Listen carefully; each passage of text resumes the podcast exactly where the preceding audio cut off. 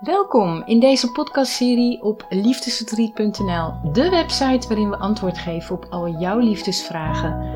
Zoals het terugwinnen van je ex, het verwerken van jouw liefdesverdriet of het oplossen van relatieproblemen.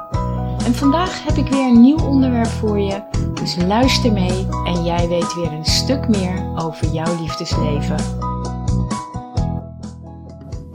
Hallo, hallo lieve luisteraars. Vandaag wil ik een heel belangrijk en zeker ook heel interessant onderwerp bespreken. En dat gaat over dynamiek tussen twee liefdespartners, waar ik vrijwel dagelijks mee te maken krijg in mijn coachingspraktijk en praktijk voor hypnotherapie.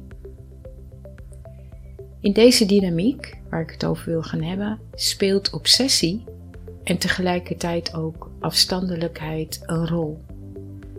Mensen kunnen namelijk heel geobsedeerd zijn door hun partner of hun ex. En in deze podcast wil ik dus graag bespreken waar dat vandaan komt, maar zeker ook wat je daar aan kan doen. Want dit stukje bewustwording is namelijk heel belangrijk voor jou om je in de eerste plaats beter te voelen. Om zodoende ook beter om te kunnen gaan met de situatie waar je in zit maar ook is het goed om te leren naar jezelf te kijken, zodat je betere relaties kunt aangaan. En ook al is het uit tussen jou en je ex, je kunt met dit stukje bewustwording aan jezelf werken, zodat jouw ex een ander beeld van je krijgt, een beeld dat positiever is. En bedenk dat als jij meer bewust bent van je eigen handelen, je eigen obsessies, en de effecten daarvan, jij direct ook een geheel andere energie gaat uitzenden. Het is een energie die je ja, misschien niet kunt zien. Je kunt het niet vastpakken, maar het is er natuurlijk wel. En die energie gaat ervoor zorgen dat er een totaal andere vibe ontstaat tussen jou en je ex. Een totaal andere energie. Je zult minder geobsedeerd zijn. Je zult je minder emotioneel afhankelijk opstellen, wat natuurlijk ten goede komt aan de rust die nodig is voor jezelf en in de relatie tot je ex. Want ondanks dat het uit is met je ex, het kan zijn dat het nu uit is met je ex, het kan ook zijn dat je nog in een relatie zit. Je houdt toch een soort van relatie met je ex. Het kan zijn dat het een relatie is van stress, een relatie van verdriet, een relatie van wanhoop, een relatie van obsessie. Dus luister goed tot het eind van deze podcast, want wie weet ga jij door die bewustwording ook echt hiermee aan de slag en zul je fantastische verbeteringen zien in je liefdesleven. Dus ik hoop dat je er even voor gaat zitten en hier aandacht aan gaat schenken. In de eerste plaats, mensen die geobsedeerd zijn door hun ex projecteren vooral hun angst voor de toekomst op hun ex. Een obsessie is eigenlijk een vorm van fascinatie, een vorm van idealisatie, dat overigens ook nog gepaard kan gaan met jaloezie. Zeker wanneer je ex een ander heeft, ga je jezelf gemakkelijk vergelijken met die ander. En heb je de neiging je focus geheel op die ander te leggen, waardoor je totaal de verbinding met jezelf verliest. En heel kenmerkend voor mensen die geobsedeerd zijn door een ex, is de overtuiging die continu wordt afgedraaid in hun systeem. Het zegt steeds: alleen als ik die persoon heb, zal ik gelukkig zijn. Mijn geluk hangt geheel af van die persoon. Maar lieve mensen, dat is geen liefde. Het is verslaving. Het is een verslaving die is ontstaan vanuit een kinderwond. Je speelt als het ware in die film als acteur. En je hebt jezelf compleet geïdentificeerd met die acteur. Je bent dus niet de regisseur van die film. Want als je regisseur bent, neem je verantwoordelijkheid voor je eigen gevoelens, je eigen gedachten. Wanneer je regisseur bent, creëer je je eigen realiteit. Kies je bewust je eigen gedachten en daarmee creëer je natuurlijk ook betere gevoelens. Wanneer je acteur bent, onderga je de acties in de film. Het zijn met name vrouwen die hier heel goed in zijn.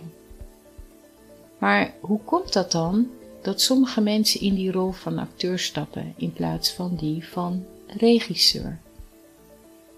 Ik noemde het net al, het is ontstaan vanuit een kinderwond, zo ergens tussen de geboorte en het zevende levensjaar.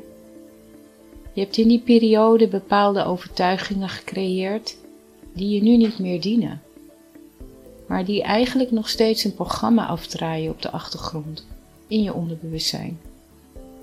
En die overtuigingen heb je geleerd te overleven. We noemen dit anders gezegd ook een overlevingsmechanisme. En tijdens sessies hypnotherapie die ik met mijn cliënten doe, komen die overtuigingen vanuit het onderbewuste naar voren.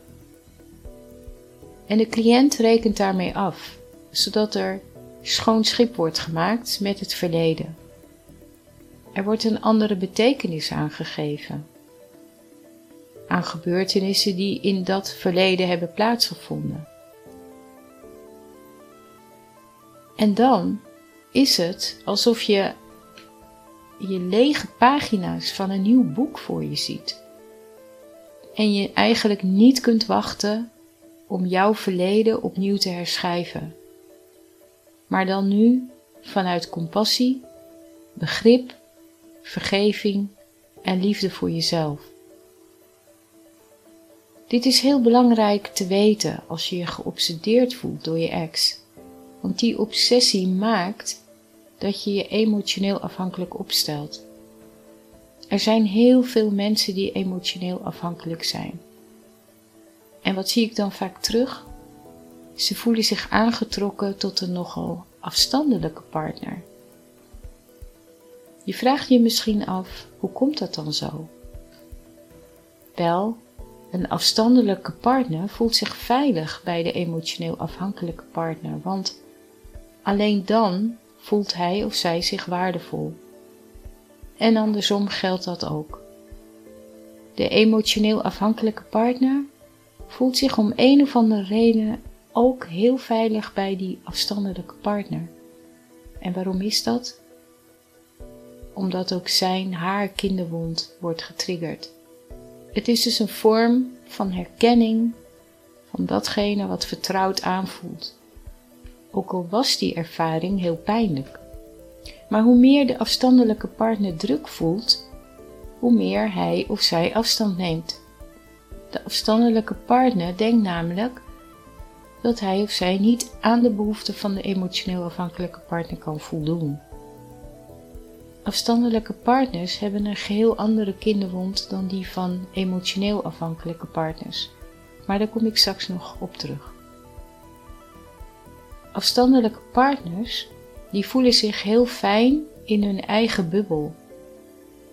En in de relatie tussen een emotioneel afhankelijke en een afstandelijke partner kun je spreken van een patroon waar beide partners emotioneel lijden.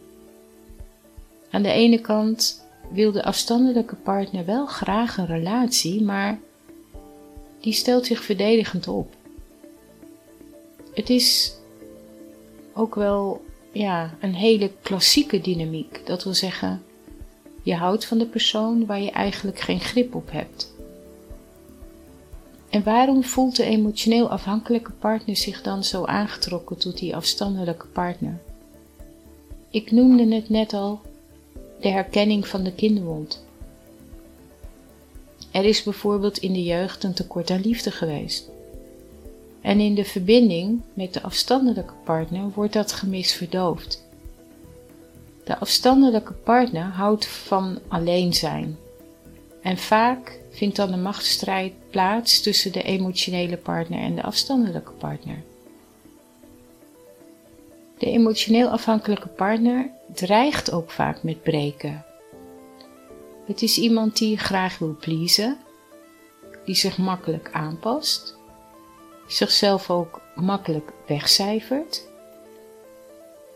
En zo'n persoon die doet er alles aan om de behoeften van de afstandelijke partner te vervullen. De emotioneel afhankelijke partner verliest daarmee wel zijn of haar eigen identiteit. En is ervan overtuigd dat die ander erkenning geeft.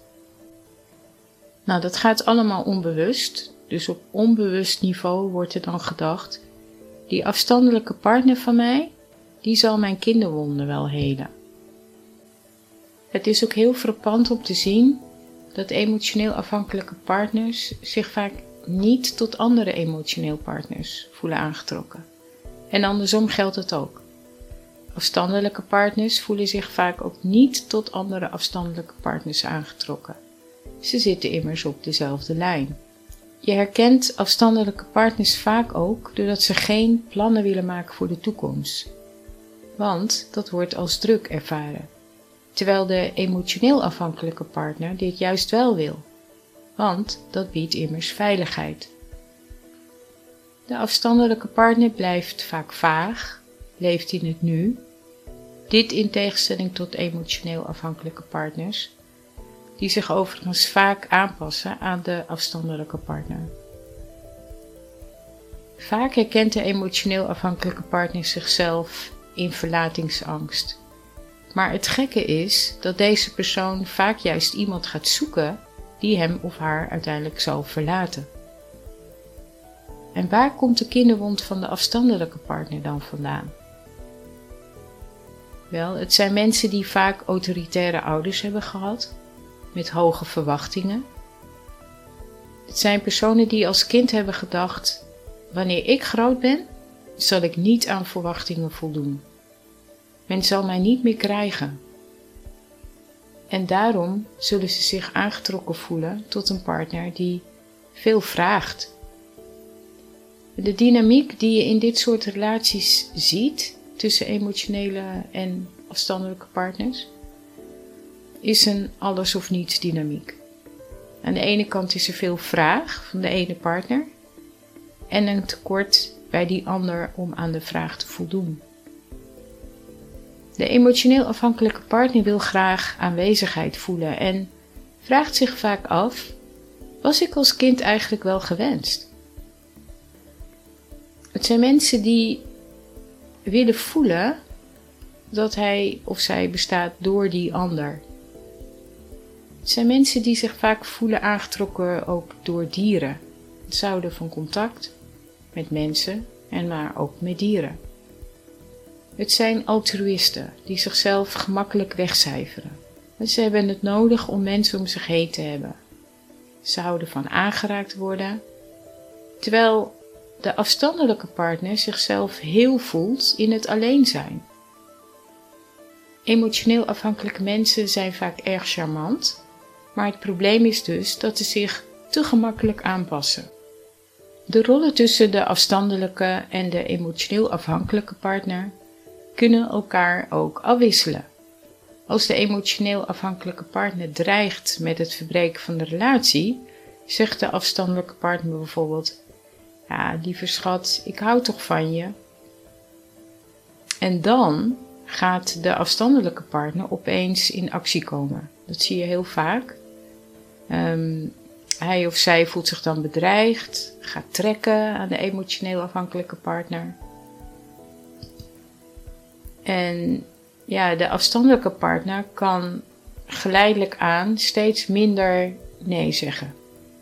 Aan de voorkant zeggen ze vaak ja, maar wanneer ze onzichtbaar zijn, zeggen ze vaak nee. Aan de ene kant willen ze zich graag binden, maar ze zijn tegelijkertijd ook erg angstig om zich te binden. En ook op seksueel vlak zie je dat terug. Tijdens het bedrijven van de liefde kunnen ze helemaal opgaan in het liefdespel. Maar daarna kunnen ze opeens heel afstandelijk zijn. De emotioneel afhankelijke partner is vaak ook de initiatiefnemer, initiatiefneemster voor het hebben van seks. Maar dit alles kan erg verwarrend zijn voor de emotioneel afhankelijke partner als die afstandelijke partner daarna ja, geheel ander gedrag vertoont, afstandelijk wordt. En wat kan je dan hier aan doen? In de eerste plaats is het belangrijk dat je je bewust wordt van je eigen behoeften, je gedrag van de wonden die je hebt vanuit je kindertijd. Vaak zie ik ook dat de afstandelijke partner de emotioneel afhankelijke partner motiveert om meer aan persoonlijke ontwikkeling te doen.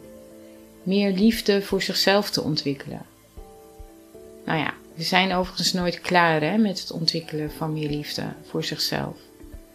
Maar in die periode dat de emotioneel afhankelijke partner meer aan zelfontwikkeling doet, kunnen er turbulente periodes ontstaan die afgewisseld worden met rustige perioden. En de emotioneel afhankelijke partner kan zich daarna nog steeds aangetrokken voelen tot de afstandelijke partner, maar de relatie neemt dan niet alle ruimte meer in in het leven van de emotioneel afhankelijke partner. Waar de emotioneel afhankelijke partner aan dient te werken, is vooral ja, het leren stellen van grenzen. niet bang zijn om bijvoorbeeld aan de afstandelijke partner te vragen om zich uit te spreken. Want die afstandelijke partner vindt het namelijk erg lastig om over zijn of haar angsten te praten. Het zijn mensen die het lastig vinden om te zeggen wat ze denken, omdat ze bang zijn dat ze worden afgewezen of dat ze worden gemanipuleerd. En dat is ook de reden waarom de afstandelijke partner de relatie vaak in stilte beëindigt. En als ze boos zijn, trekken ze zich terug. Nou, tot slot. In elke relatie is de ene partner meer gehecht dan de andere. Misschien heb je dat zelf ook meegemaakt, hè? Maar ja, het komt vrijwel in elke relatie voor. De gepassioneerde voelt zich aangetrokken tot de afstandelijke partner, want als hij of zij een veilig hecht persoon vindt, wordt de passie al minder. En de emotioneel afhankelijke partner, ja, je zou kunnen zeggen, die viert zijn passie. Ik zeg vaak, je bent meer verliefd op het verliefd zijn. En voor die mensen gaat passie ook samen, uh, nou ja, in, althans vaak samen met het gemis. En de afstandelijke partner die zegt vaak: Ja, ik heb geen tijd, voor dit soort mensen komt de relatie niet op de eerste plaats. En ze zeggen vaak van zichzelf dat ze goed communiceren met, uh, met mensen. En als je vraagt hoe het met hem gaat, hoe het met haar gaat, dan is het antwoord vaak ja, goed hoor. Nou, je herkent het vaak ook dat uh, afstandelijke partners geen plannen willen maken voor de toekomst. Ik had het al gezegd, maar ze zijn gewoon bang voor commitment. Ze zijn bang voor druk, verwachtingen. Het is vaak gewoon de angst om vrijheid te verliezen. Ze kunnen niet onderhandelen en ze zeggen vaak op voorhand nee. Ja, je zou kunnen zeggen dat het gewoon zelfsabotage is. Hè? Nou, en wat kan je dan doen als je een afstandelijke partner hebt en je bent zelf emotioneel afhankelijk? Ik zou zeggen, bouw rustig de relatie op. Stel niet te veel vragen over het maken van plannen voor de toekomst bijvoorbeeld. Een afstandelijke partner kan veranderen als hij geaccepteerd wordt of als zij geaccepteerd wordt en zich veilig voelt. Maar werk aan je eigen angst om verlies. Vraag jezelf af: hoe stond ik nu eigenlijk in die relatie? Wat is de les wat ik daarvan kan leren? En hoe sta ik er nu nog in? Denk ik, het is beter om een relatie te hebben met een afstandelijke partner dan om alleen te zijn. Want als dat het geval is, ja, dan is er echt werk aan de winkel. Dat je werkt aan je eigen waarde, je zelfvertrouwen. En ga dan ook niet klagen bij vrienden over je partner, ja, over de relatie aan zich. En wees ook niet bang voor eenzaamheid. Stop vooral met het idealiseren van de relatie of stop met het idealiseren van je ex. Nou, ik hoop dat je wat hebt gehad in deze podcast en aan de informatie die ik je heb gegeven over deze dynamiek, die overigens heel vaak voorkomt. En dan wil ik graag afsluiten weer met een paar mooie woorden. Dit keer is het een gedicht die geschreven is door Voltaire. Nou, die ken je misschien wel, een filosoof. Die leefde van uh, 1694 tot 1778. En het gedicht heet Leren loslaten. Op een dag leer je het subtiele verschil kennen tussen een hand vasthouden en een ziel ketenen. Dan leer je dat liefde niet betekent leunen en dat gezelschap niet betekent veiligheid. Je ontdekt dat een kus geen contract is en een cadeau geen belofte. Je begint je nederlagen te accepteren met je hoofd omhoog en je ogen openen en je leert vertrouwen op vandaag, omdat morgen te onzeker is voor plannen. Na een poos leer je dat zelfs zonneschijn je verbrandt als je er te veel van krijgt. Dan wordt het tijd je eigen tijd te beplanten. Dan zorg je voor je eigen ziel en wacht je niet langer op een wonder van buitenaf. En dan weet je echt dat je het echt kunt volhouden en dat je echt sterk bent en dat je echt waarde hebt en je leert en leert. Bij ieder afscheid leer je. Nou, dat was het dan. Nogmaals, ik hoop dat je deze podcast waardevol vond. Aarzel dan ook niet om een reactie achter te laten. Abonneer je op mijn YouTube kanaal als je dit vanaf YouTube beluistert. En uh, dan zou ik zeggen, uh, vergeet ook niet mijn website te bezoeken, liefdesriet.nl, waar je kunt inschrijven voor de gratis training. Met heel veel tips over het terugwinnen van je ex, het verwerken van je liefdesverdriet. En op mijn website liefdesverdriet.nl slash winkel vind je de opties voor bijvoorbeeld het aanschaffen van een van mijn e-books of het aanvragen van een gesprek of een sessie die je met mij wil doen. Ik wens je nog een hele fijne dag en hopelijk weer tot gauw in een nieuwe podcast. Dag!